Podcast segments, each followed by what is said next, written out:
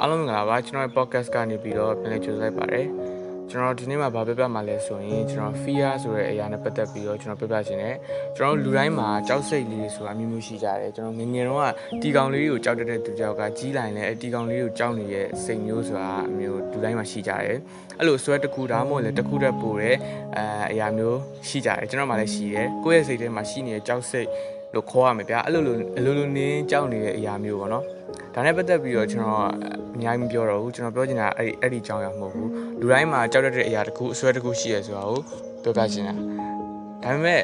အာတချို့သောကြောက်စိတ်တွေကိုတော့ကျွန်တော်ဖျောက်ပစ်ဖို့လိုအပ်တယ်อืมဘာလဲဆိုတော့ကျွန်တော်ဆက်ပြောပြပါဗျာကျွန်တော်အဓိကပြောချင်တဲ့အကြောင်းအရာလာပြီ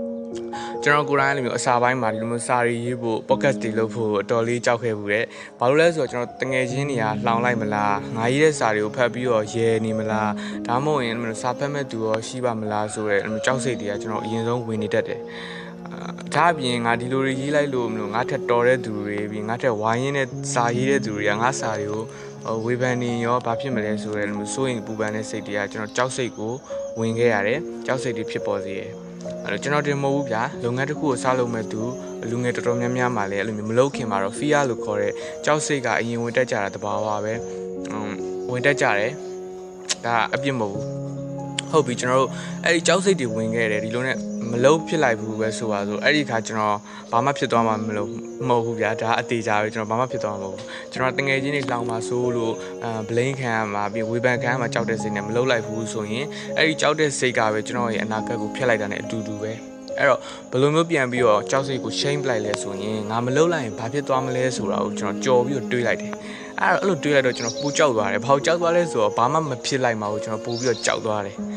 ဘာမှမဖြစ်သွားဘူးဆိုတော့အရာကြီးကိုကျွန်တော်ပူကြောက်သွားတယ်အဲ့ဒီတော့ကျွန်တော်ဝေဖန်တာတွေအပြစ်တင်တာတွေဘာမှဂိမ်းမဆိုင်တော့ဘူးအာကျွန်တော်အဲ့ဒီအရာတွေတဲ့ကျွန်တော်ဘာမှမဖြစ်သွားမှာဘူးပူကြောက်တဲ့အတွက်လှုပ်တယ်တိတာတွေရေးတယ်တငယ်ချင်းတွေရဲ့စကားတွေကိုလည်းဂိမ်းမဆိုင်တော့ဘူးကျွန်တော်ခံယူချက်ကျွန်တော် sharing လုပ်ချင်တာကိုကျွန်တော်နေ့စဉ်လုပ်သွားတယ် အချိန်တခုအဲ့ဒီကြာလာတဲ့အခါမှာကျွန်တော်ကြောက်စိတ်ကိုတွန်းလှန်နိုင်လာတယ်ကျွန်တော်ကြောက်စိတ်ကိုဖျောက်ပြတ်နိုင်လာတယ်အနိုင်ယူခဲ့အနိုင်ယူခဲ့နိုင်တယ်ပေါ့နော်ဒါကြောင့်လို့ကျွန်တော်ဘာကိုပြပချင်တာလဲဆိုရင်ဒီစာကိုဖတ်နေတဲ့သူတယောက် sorry ဒီ podcast ကိုနားထောင်နေတဲ့သူတယောက်မှာကြောက်တဲ့စိတ်လေးရှိမယ်ဆိုတော့အမှန်ပဲဗျာဒါပေမဲ့ကျွန်တော်တိကျပြန်စဉ်းစားပါဘယ်ရာပို့ပြီးတော့ကြောက်ဖို့ကောင်းလဲဆိုတာကိုသုံးသပ်ပါကျွန်တော်ဘာမှမဖြစ်သွားမှာပို့ပြီးတော့ကြောက်ဖို့ကောင်းတယ်နော်တိကျပြန်စဉ်းစား မမကြောက်လို့မလုပ်ဘူးဆိုရဲကြောက်စိတ်နဲ့ဘာမှမဖြစ်သွားဘူးဆိုရဲကြောက်စိတ်ကိုနှိုင်းရှင်ပါပြီးရင်ကိုယ်တိုင်ဆုံးဖြတ်ပြီးရင်ဘာလို့ရမလဲကိုယ်တိုင်ပဲတွေးပါအားလုံးပဲကျေးဇူးနဲ့တင်ပါတယ်ခင်ဗျာ